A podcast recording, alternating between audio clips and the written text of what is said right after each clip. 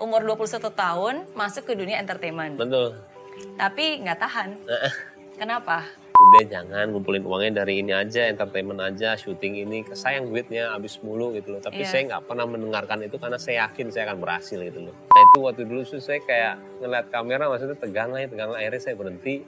Sampai akhirnya balik lagi, baru saya Kenapa balik lagi kalau nggak suka? nggak punya duit. Kegagalan bukan akhir dari segalanya dan kesuksesan juga bukan berarti akan selalu ada selamanya. Yang paling penting adalah hidup itu selalu naik turun, silih berganti, tapi keyakinan dan keberanian untuk terus melangkah itu yang harus kita miliki. Dan di Zero to Hero hari ini kita akan banyak belajar dari seorang Mbak Imo. Ah. Hai Bos Q. Saya juga selalu semangat. Yeah.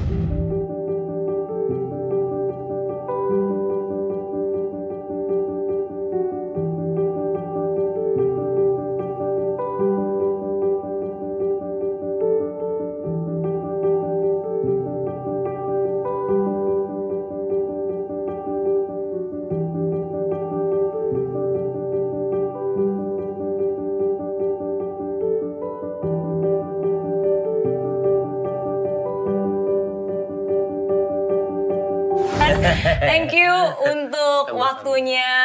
Uh, saya tahu Bayem tuh sibuk banget, Enggak banget, lah. banget, banget. Sama-sama. Apalagi sekarang ada Kiano. Iya. Benar nggak sih?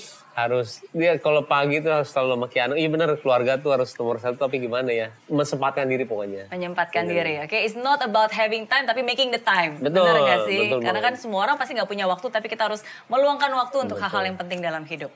Betul. Oke, nah tapi itu itu karena satu hal menurut saya karena seorang Mbak Im Wong itu bagi saya adalah sosok public figure yang juga sangat rendah hati, Amin, amin. Uh, tidak membeda-bedakan apakah dia artis, apakah dia terkenal, apakah dia orang biasa gitu semua bagi seorang Mbak Im itu sama saja, Amin. Amin amin iya. bener nggak? Ah, diusahakan terus menerus kayak begitu. Misalkan ya. Oke, nah itu tapi salah satu hal yang menarik nih. Uh, pertama-tama thank you Mas Baim udah membagikan kisahnya di buku Oh iya, Impossible. bagus banget bukunya. Bagus karena dalamnya ada kisah Baim. Ah. And then dari sini aku belajar banyak dari seorang Baim Wong bahwa ternyata em, salah satu hal yang membuat eh, Baim merasa nggak boleh jadi orang sombong karena ternyata dulu pernah punya pengalaman iya. melihat artis yang sombong. Bukan, Gimana sayanya. ceritanya? Oh gitu. Iya, sayanya juga waktu itu juga pernah melihat juga sih, maksudnya eh, nggak suka aja ya. Saya terkadang waktu dulu tuh trauma malah sama orang kaya sebenarnya. Saya nggak suka banget melihat orang kaya. Kenapa? Karena menurut saya dia itu ya eh, apa ya tingkat kesombongannya itu lebih dan kadang-kadang tidak memanusiakan manusia. Tapi bukan semuanya orang kaya ya. Tapi terkadang yang saya lihat itu seperti itu. Makanya saya seringnya ke bawah, ke bawah, ke bawah. Nah waktu itu juga kalau misalnya dibilang sombong juga sebenarnya saya juga sempat eh, mengalami stigma itu ya. Jadi ketika em, adalah kita bisa bilang waktu itu lagi naik-naiknya lah. Iya. Tiba-tiba tanpa disadari juga eh, yang menegur saya itu adalah teman baik saya. Dia bilang apa? Im, lu berubah ya katanya. Sedangkan kita ngelakuinnya keseharian kayak biasa aja gitu loh, nggak seperti berubah sama sekali kita aja. Jadi pas saya di rumah melihat lagi diri saya, apa emang gue berubah ya? Karena memang ketika kita lagi ada di eh, eh, eh, mungkin momennya ya, banyak kan orang itu perlu sama kita semuanya ya. Yang terkadang semua orang perlu sama kita dan akhirnya kita ngedongak sendiri gitu ya, tanpa kita sadari. Nah kadang-kadang itu yang dibilang mungkin apa? eh apa tuh namanya? Apa ke orang itu? eh tunggu, eh sindrom. Oke. Iya, sindrom itu yang dibilang sindrom yang eh, mungkin ketenaran atau nggak apa pun itu ya. Kadang-kadang kita saya pun nggak tahu. Hmm. Nah makanya pas di fase ini, alhamdulillah kemarin juga YouTube-nya bagus ya. Untungnya saya di- dia- eh, sudah pernah mengalami fase seperti itu. Saya nggak mau lagi. Hmm. Jadi waktu dibilang, itu apa teman sendiri yang menegur sendiri. merasa Mbak Baim berubah. Iya. Berubahnya gimana? "Eh, beda aja kata dia.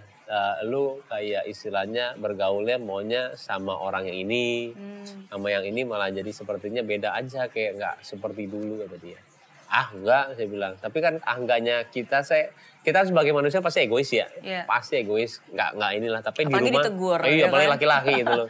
Saya di rumah tuh mikir pasti apa emang gue begitu ya? Kan laki-laki begitu ya. Hmm. dan dia mikir dan ternyata iya gitu loh dan akhirnya pas sekarang tuh fasenya supaya saya tidak istilah di arah gitu lagi saya tuh makanya suka ke bawah terus supaya menetralisir apa yang ada. Karena kalau misalkan saya membaca semua pujian itu ya pujian lagi pujian lagi ngeri banget kalau saya itu pujian. Mendingan saya itu kritik terkadang ya. Kritik itu membuat kita tuh tamparan habis itu mikir iya atau enggak ya? Hmm. karena selama ini kalau misalkan kita saya ngelakuin apa yang saya lakuin sekarang ya pujian banyak banget. Saya tuh terkadang takut sendiri. Takutnya tuh duh mengerikan ya takutnya kita menjadi orang yang sombong gitu ya. Makanya ke bawah lagi ke bawah lagi ke bawah lagi supaya, supaya buat saya itu menetralisir semuanya.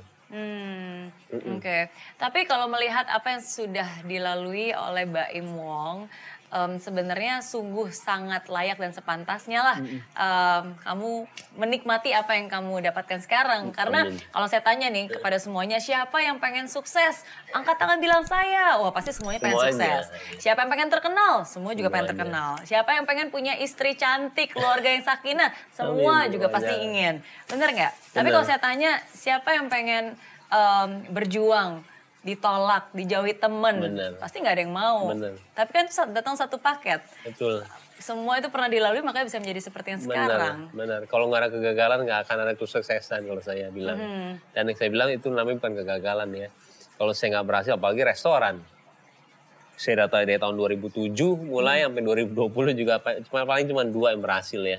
2007 buka restoran? Iya, 2002 2020 masih buka restoran tapi paling dua yang berhasil. Hmm. Yang lainnya tuh bangkrut semuanya itu puluhan berarti ya.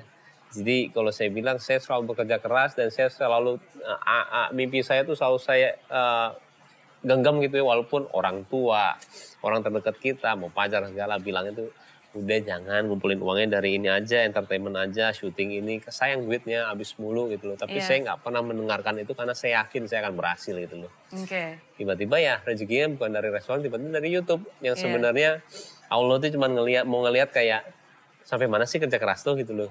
Nanti ya. nih akan ada nih 2020 atau 19 nih dari sini coba deh. Dan akhirnya memang apa yang saya bayangin di uh, uh, restoran. Jadi restoran itu kan sebenarnya saya ngelakuin juga. Saya bilang ke diri saya tuh kayak acting yang saya lakuin itu sebenarnya uh, bukan suatu pekerjaan. Karena hmm. kenapa uh, acting itu tidak bisa dibilang pekerjaan karena kita per bulannya nggak tahu ada atau enggak. Hmm. Dan kalau misalnya dibayar itu ya sebenarnya gede tapi kalau membuat kehidupan itu susah ya dalam arti kita nggak apalagi kalau udah punya keluarga. Hmm. Nah saya mau per bulannya itu saya tetap dan hmm. itulah saya kenapa buat restoran tahun supaya, 2007 iya. karena merasa bahwa dari acting mungkin penghasilannya nggak tetap nggak ya. tetap ya. ada okay. ada tiba-tiba ada gede yeah. tiba-tiba nggak ada bisa bulan-bulanan itu loh iya. nungguin yeah. callingan kayaknya buat saya untuk itu resiko ya yeah. terus buka buka restoran apa waktu tahun 2007 uh, 2007 itu pertama di Bali sama Raffi. Oke. Okay. Di Bali, abis itu saya mulai ke Jakarta uh, buat uh, ada Petromak, ada bakmi, ada Pablo, ada bakmi lagi, ada roti bakar, semuanya saya wow. coba. Semuanya coba, semuanya coba dan akhirnya semuanya juga yang sama orang lain juga nggak berhasil semuanya. Akhirnya yang berhasil itu cuma ada Petromak sama Food Garden, nah itu menuai hasil. Tapi yang lainnya bangkrut semua. Kayaknya teman-teman dekat semua semua tahu deh. Saya kayak gimana kayak gimana. Sampai Paula pun kata uh, uh, menikahi saya sebenarnya saya udah bilang sama dia ketika saya mau nikah uh, kenal sama dia dua minggu gitu ya.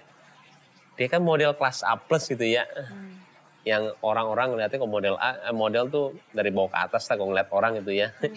kayaknya semuanya di perintilan gitu dilihat gitu kalau laki-laki tuh jadi pas saya dia sama saya saya bilang sama dia kalau emang kamu nikah mau nikah sama saya itu gara-gara saya orang kaya jangan ya. Karena sekarang lagi susah nih 2018 waktu ya. Hmm. Ini rumahnya sebenarnya bohongan lah istilahnya bohongan dalam arti ini KPR. Sekarang aja lagi susah gitu loh. Jadi jangan mikir uh, kalau saya itu orang kaya cuman saya menjadi mau, mau uh, saya akan jadi sukses saya bilang. Saya bilang gitu. Hmm. Saya akan, tapi saya harus kerja keras saya bilang. Kamu mau nggak di samping saya saya bilang. Itu semuanya saya pure saya bilang sama Paula seperti itu. Yang dia pun terkaget-kaget takutnya dikiranya saya itu ini orang apa ya maksudnya ngomong kayak begini. Karena yeah. buat saya tuh mendingan saya jujur semuanya, nggak ada beban di badan saya. Kalau misalnya dia nggak suka, itu ya jangan sama gue gitu loh. Karena yeah. waktu gue juga udah 37 nih. Udah iya. nggak yeah. udah nggak udah nggak ada perlu drama-drama lagi dalam kehidupan gue gitu loh. Dan akhirnya udah dia terima dan alhamdulillah ya kita dapetin rezekinya dari sekian 13 tahun saya nggak berhasil tiba-tiba ya di YouTube cuma dengan berapa bulan doang. Hmm. Kayaknya buat orang itu uh, uh, hoki atau enggak pesat banget ya buat saya tuh penantian saya lama banget. Hmm. untuk mencapai itu lama banget. Dan apa ya uh, buah dari kesabaran Iya, dan benar. keyakinan Benar. dan juga uh, anugerah dari pernikahan. Iya benar. Saya bilang rezeki istri nih. Rezeki tuh. istri. Oke. Nah, em, kan semua orang tahu kesuksesan-kesuksesan ya. Tapi hari ini eh, saya ingin mengupas lebih banyak tentang kegagalan dan kegagalan Heeh. dari seorang Mbak Im Wong. Oke, bukan untuk mengingat kegagalannya, tapi seperti yang tadi Mbak Im bilang kan ada pembelajaran dari setiap kegagalan. Jadi satu persatu ya berarti ya, boleh ya? Boleh, boleh. Karena aku aku menarik banget nih eh, yang Mbak Im cerita juga di bukunya bahwa umur 21 tahun masuk ke dunia entertainment. Betul. Tapi nggak tahan. Heeh. Kenapa? grogi terus di depan kameranya grogi mulu gue malas karena gue, gue- saya mikirnya ngapain saya ngerjain sesuatu kerjaan walaupun dibayar gitu tapi nggak nyaman menurut saya makanya saya paling nggak setuju kalau orang itu juga eh, ngerjain sesuatu dia lihat jam ya dalam arti eh, walaupun emang nggak apa-apa juga. Misalnya jam 9 nunggu pulang jam 5 saya bilang kalau emang passionnya orang itu kerjaan itu nggak ada waktunya saya bilang. Yang bisa ngebatasin adalah istilahnya fisiknya dia. Tapi Oke. kerjaan tuh kalau saya bilang dari dulu sampai sekarang saya kerja nggak pernah ada waktu. Saya seneng aja ngerjainnya. Oke. nah itu waktu dulu tuh saya kayak ngeliat kamera maksudnya tegang ya tegang. Lah akhirnya saya berhenti. Sampai akhirnya balik lagi baru saya mulai Kenapa balik lagi kalau nggak suka? nggak punya duit nggak punya duit Realis- realistis ya. Oke. Nggak punya duit. Jadi akhirnya casting lagi sana ditolakin kanan kiri, akhir potong rambut lagi, tolakin lagi kanan kiri. Akhirnya baru mulai diterima dan akhirnya saya di situ tapi sebelum diterima saya udah baca buku mengenai acting, saya udah mulai serius. Hmm. Waktu itu susah banget ya. Eh, pelajaran mengenai acting itu di Indonesia itu sangat jarang sekali. Sampai nyari-nyari ada juga sekolah Eka Sitorus ya. Saya pun ikut itu dan akhirnya juga yang paling banyak saya belajar itu adalah buku. Buku juga susah tapi ada di tim sebelah tim itu ada buku lama. Saya sering bikin beli di situ. Eh, sekarang nggak tahu masih ada atau enggak. Cuman buku yang saya ingat itu adalah buku Stanislavski persiapan seorang aktor dan itu pat- patokan saya sampai sekarang. Hmm. Baca oke. buku terus saya.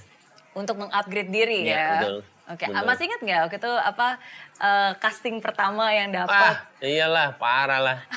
Ingat semua lah saya. Oh iya.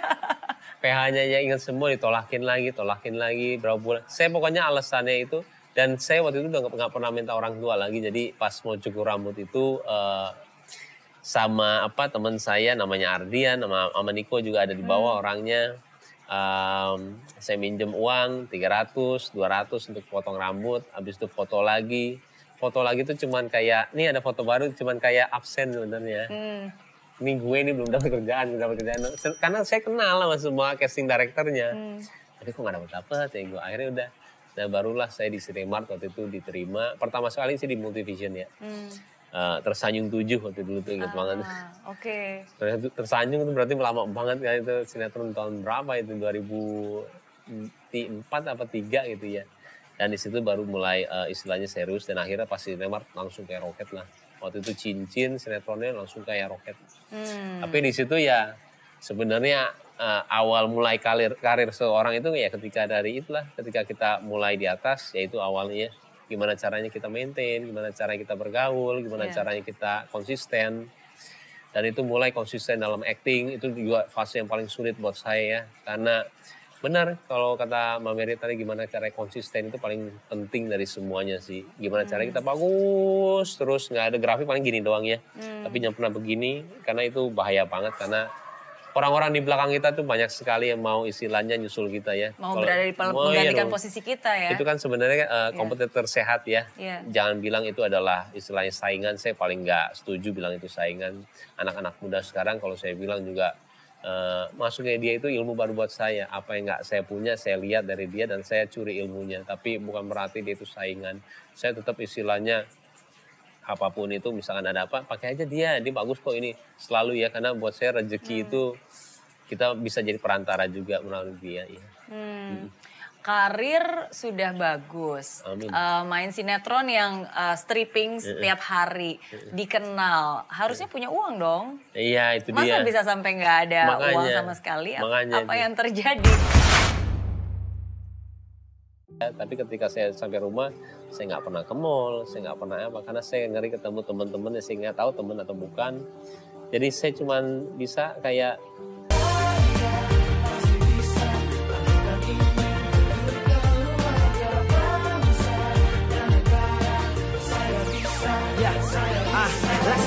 bumi tanpa hujan Hidup tanpa tujuan Kering dan mati tanpa hijaunya tumbuhan ah. Demikian kalau mimpi tak kunjung terjadi